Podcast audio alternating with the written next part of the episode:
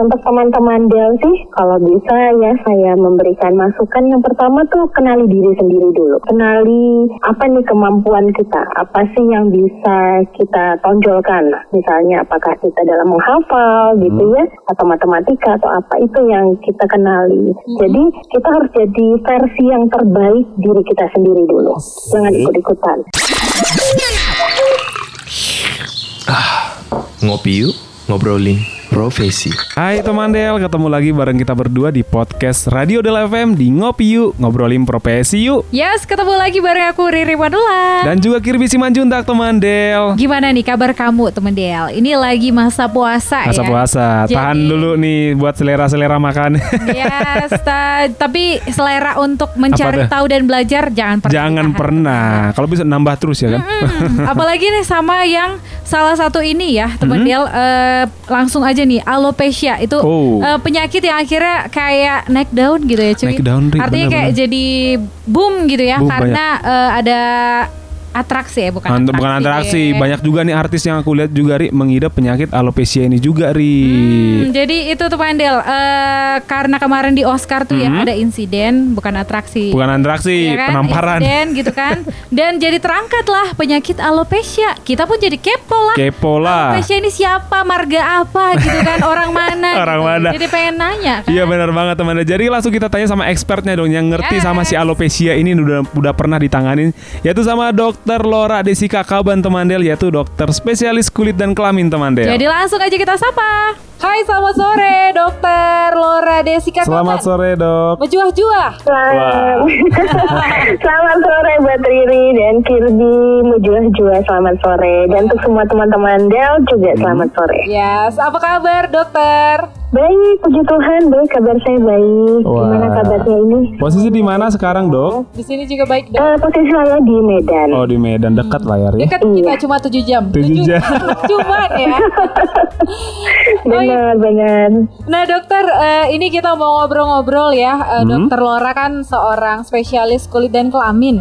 Nah jadi kebetulan tuh eh, beberapa waktu yang lalu kan ada yang lagi viral itu Will Smith Oh, iya. menampar eh, seorang komedian dan itu karena eh, bahan materinya istrinya yang botak. Nah Hmm. kita mau membahas yang Iya. alopecia ini dok. Aku sendiri ini kayak baru dengar ternyata ada penyakit yang namanya alopecia gitu dok. Kenapa Iya, sih iya, orang benar, mengalami alopecia dok? Oke, jadi gini Ri, ini di luar dari kita membahas tentang kondisi waktu Oscar ya, Iya, kita kan membahasnya tentang kondisi uh, Jada Pinkett Smith ya. Jadi eh, ini adalah satu kondisi memang beliau ini mengalami alopecia areata begitu.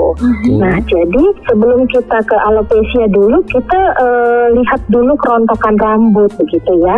Nah kalau kerontokan rambut itu biasanya umum terjadi, jadi nggak usah panik kalau rambutnya rontok, Mm-mm. karena rambut sendiri dia punya fase pertumbuhan di mana kalau kita lahir aja 10, eh, 100 sampai 150 ribu folikel rambut di kulit kepala itu tumbuh dan ada juga fasenya dia gugur. Oh, jadi kalau rambut kita itu gugur atau rontok itu istilahnya kalau di kedokteran telogen effluvium Mhm. itu normal. Itu 100 helai per hari itu masih dianggap normal jadi nggak usah panik dulu. Karena ada juga yang mendukung terjadi kerontokan misalnya dietnya nggak eh, bagus gitu ya. Lalu baru sakit atau ada konsumsi obat juga memperburuk rontok. Hanya kalau rontoknya ini terjadi terus menerus banyak dan menyebabkan kebotakan jadi artinya yang rontok itu nggak sebanding lagi dengan yang tumbuh. Dan itu biasanya tuh awalnya itu pada eh, tempatnya itu satu-satu tempat gitu loh. Nah Oh. bisa pada semua area rambut, bisa di kulit kepala, alis, semuanya deh yang ada eh, rambutnya begitu ya. Oke. Nah itu biasanya sudah berhubungan dengan satu kondisi tubuh namanya autoimun. Oh. Jadi, eh, eh, nah kalau autoimun itu artinya tubuh kita menyerang diri kita sendiri.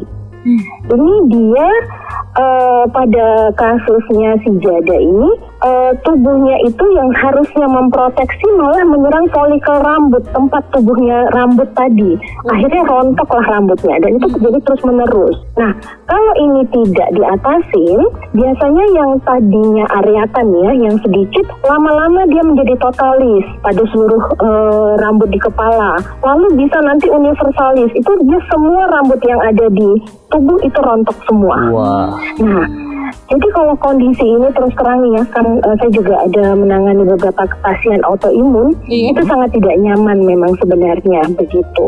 Jadi eh, ini kenapa terjadi? Ini genetik. Oh gitu. Sebenarnya kalau dibilang autoimun itu sih penyebabnya pasti eh, secara pasti itu nggak ada bisa dijelaskan sampai sekarang hanya disampaikan genetik, tetapi ada beberapa faktor yang mencetuskan begitu, seperti stres begitu ya, Hmm, lalu ada makanan atau minuman dan yang terutama itu stres sih sebenarnya. Oke. Nah, yang jadi pertanyaan sering, kalau ini eh, orang tuanya atau ada kerabatnya yang mengalami alopecia areata, kira-kira gimana nih keturunan ke bawahnya begitu ya? Nah, biasanya itu pembawanya atau dia memiliki kemungkinan besar terjadi ya pasti lebih besar. Oke. Sehingga gimana menanganinya harus ada perubahan gaya hidup. Hmm, Jadi gaya hidupnya stylenya harus sehat. Oke. Sehat dalam arti kata makan sehat, istirahatnya sehat, stresnya juga harus bisa dikontrol begitu. Oke. Nah, kalau misalnya sudah terjadi alopecia areata ini atau alopecia universalis atau totalis ini sebenarnya nggak ada obatnya Wah. begitu. Eh, sebenarnya agak sedikit eh, apa ya menyedihkan sebenarnya ya. Cuman kita harus menghadapi ini dan eh, ada beberapa kondisi yang membantu. Jadi membantu menstimulasi pertumbuhan folikel rambut tadi. Jadi ada penyuntikan obat itu biasanya kita menggunakan growth factor. Jadi disuntikkan langsung pada area kulit kepala atau kita juga menggunakan PRP.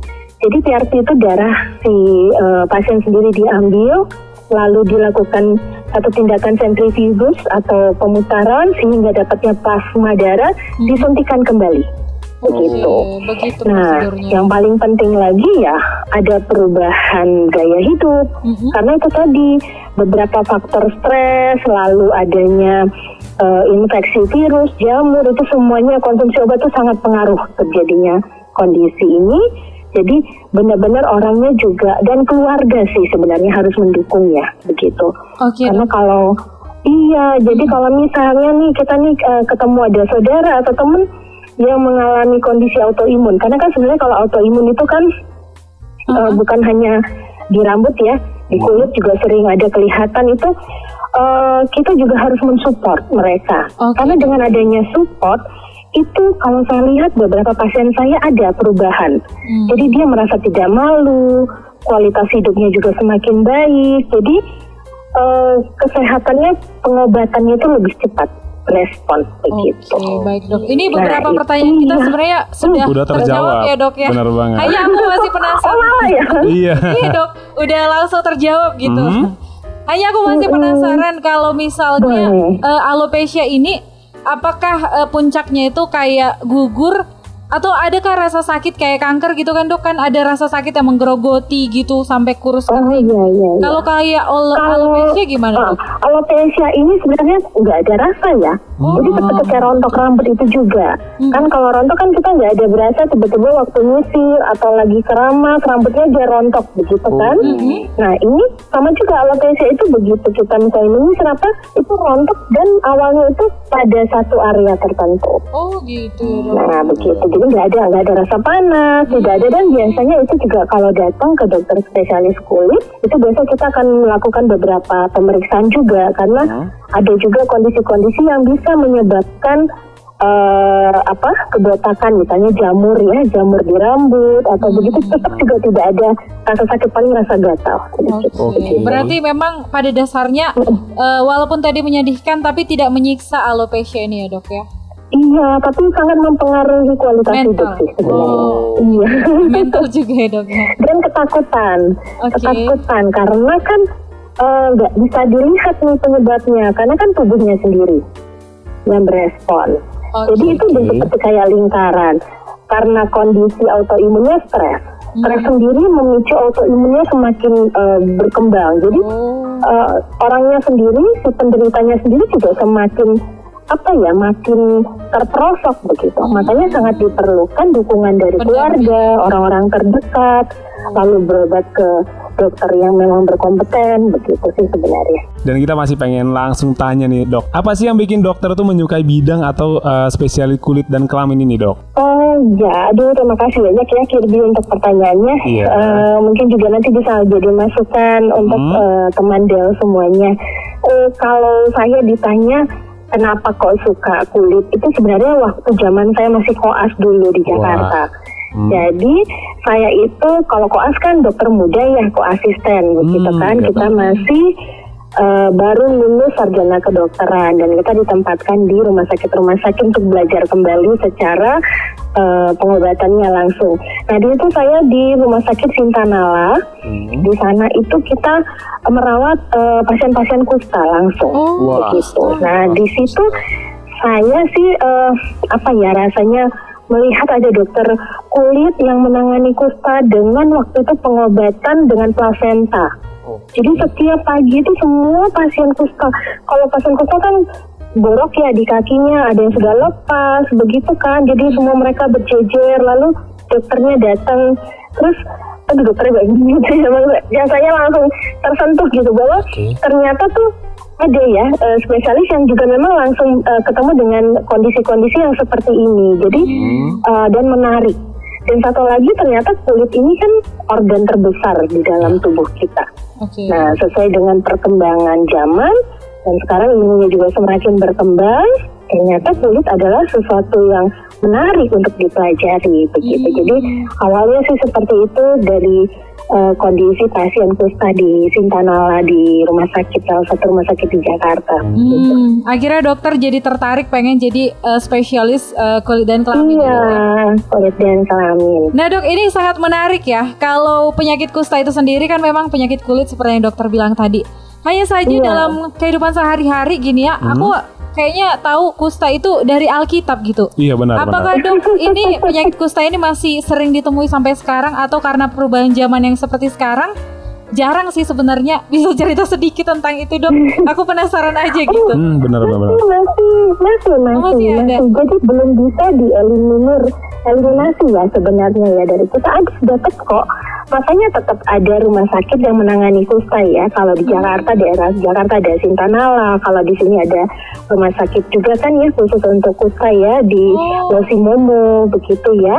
Nah Oke. biasanya itu memang kan Ri Mm-mm. eh pasiennya mungkin karena satu ketakutan atau bingung atau tidak mengerti, jadi biasanya mereka datang itu dua kondisi yang Parah. lumayan parah. Oh. Biasanya merah-merah begitu ya, atau sudah ada kerontokan di alus mata begitu. Nah itu eh, banyak kok. Waktu saya dulu juga masih eh, dokter di puskesmas di daerah eh, apa Tanah Karo itu juga ada kita dapat dari penjaringan dari eh, apa puskesmas bahwa Mm-mm. masih ada kusta ini. Cuma memang tidak yang seperti digambarkan saya kalau di Alkitab kan putih putih Iya. semua gitu Benar, ya. Nah, benar. jadi kalau itu sih gambarannya eh, apa ya? Maksudnya memang berbeda dengan kusta yang. Tapi kalau secara eh, Alkitabnya saya nggak sanggup membukanya gimana. Jadi eh, tetap tetap ada begitu. Oh. Eh, jadi ini sesuatu kondisi yang memang harus tetap kita eh, aware ya. Hmm. Karena masyarakat kita pun dengan berlapis eh, penghasilan atau dengan berlapis masyarakat ada yang tidak tahu juga bahwa ternyata kusta ini malah jadi berkembang begitu. Jadi eh, apa namanya malah jadi menginfeksi di sekitar itu begitu. Dan itu sangat diperlukan peran dari puskesmas-puskesmas yang ada. Hmm, kayak di Medan kayaknya ada Tanjung Kusta ya dok. Iya. Kan ada daerah atau desa khusus Aku pernah dengar ya. untuk penyakit kusta. Mereka yang menderita penyakit Ada kusta. dulu, Ada ya? iya arah ke Belawan Iya, ada aku sih, pernah dengar begitu sih. ya.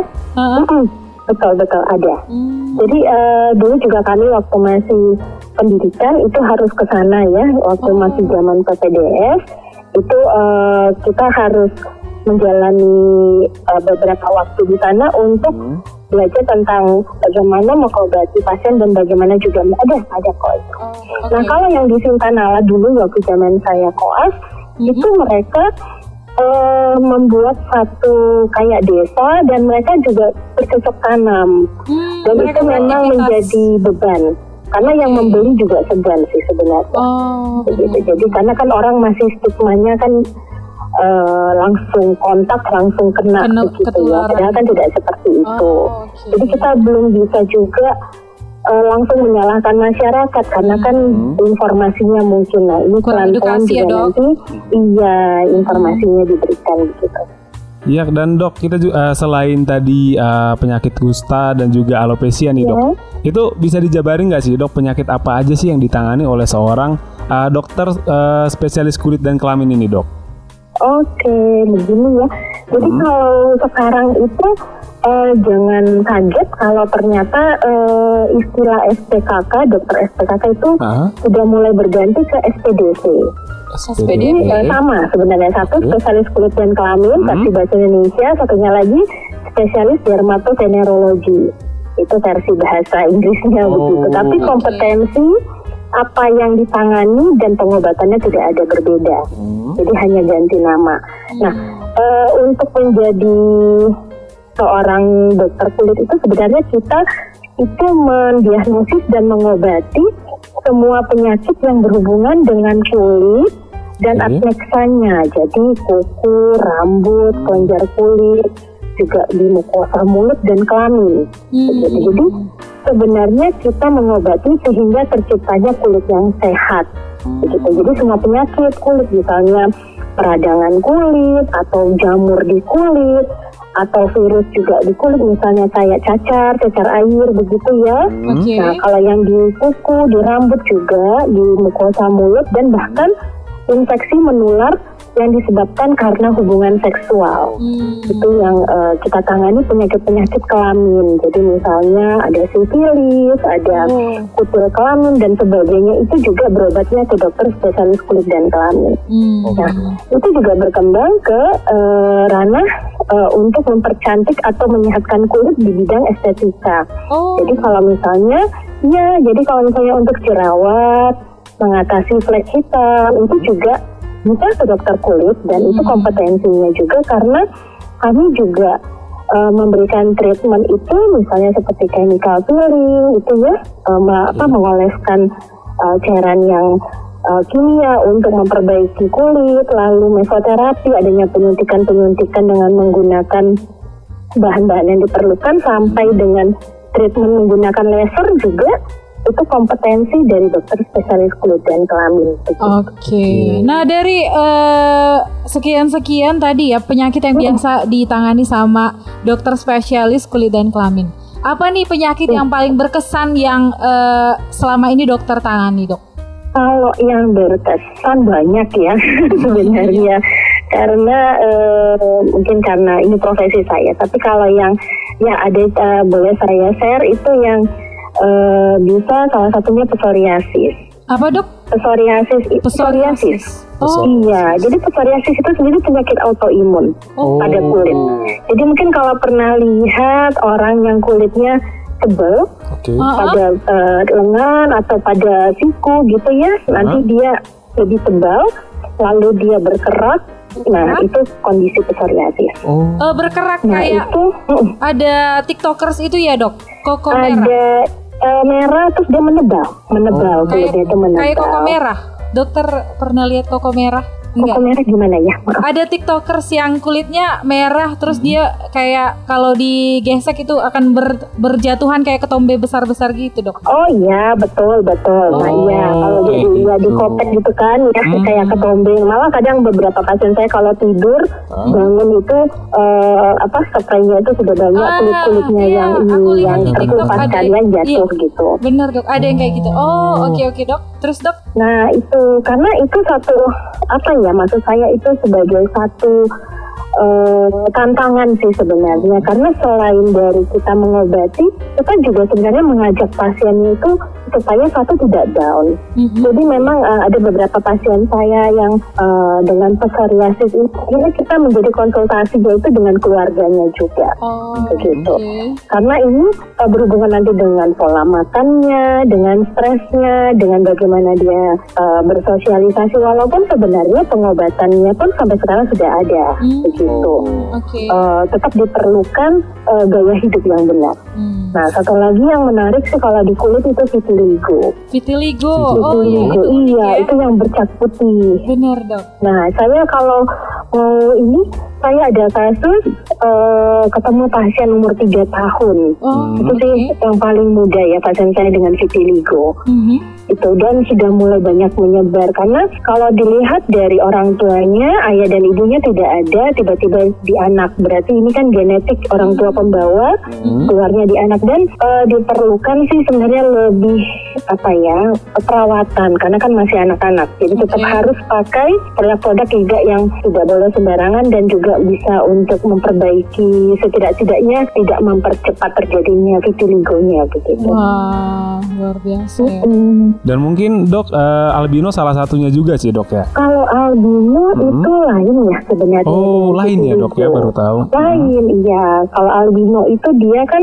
eh, sudah ada keseluruhan ya langsung Hmm, ya. iya benar benar warna- putih gitu. putih sama Kulitnya. rambut ya. Hmm. Iya, jadi dia agak kemerahan. Kalau vitiligo itu dia berbercak. Awalnya kecil, lalu nanti nampaknya mulai banyak begitu. Iya, benar-benar. Ya dok, eh, kita pengen tahu nih pesan dari dokter Laura nih buat temandel yang lagi sekarang tuh lagi mencari jati dirinya dan masih bingung nih dok buat nentuin profesi mereka dok. Apa nih pesan dari dokter nih? Oh iya, untuk teman-teman Del sih, kalau bisa ya saya memberikan masukan. Yang pertama tuh kenali diri sendiri dulu. Oke. Jadi kenali apa nih kemampuan kita, apa sih yang bisa kita tonjolkan. Misalnya apakah kita dalam menghafal gitu ya, atau matematika atau apa itu yang kita kenali. Jadi kita harus jadi versi yang terbaik diri kita sendiri dulu, jangan ikut-ikutan. Ya, apalagi kan sekarang jujur itu kan eh, perkembangan sosial media kan sangat sangat sangat luar Sangat biasa luar ya di biasa. zaman saya dulu ya. Iya, benar. Eh, eh, teman-teman Del. Jadi kalau kita sibuk membandingkan dengan orang lain, akhirnya kita nggak merasa diri kita ini lebih baik. Hmm. Akhirnya kita nggak tahu kita bagusnya apa, karena orang lain lebih bagus, begitu Oh. kan?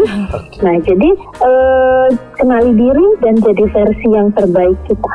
Yes. Nah, kalau kita sudah seperti itu, Hmm. harus belajar sungguh-sungguh.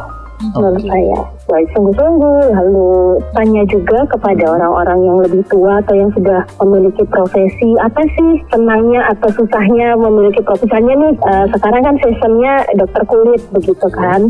Nah, dengan mendengar eh, informasi dari saya, oh semakin menarik atau nantinya menjadi dokter umum dulu, lalu nanti mengambil spesialis kulit. Nah, itu kan informasi-informasi yang bisa diambil begitu kan.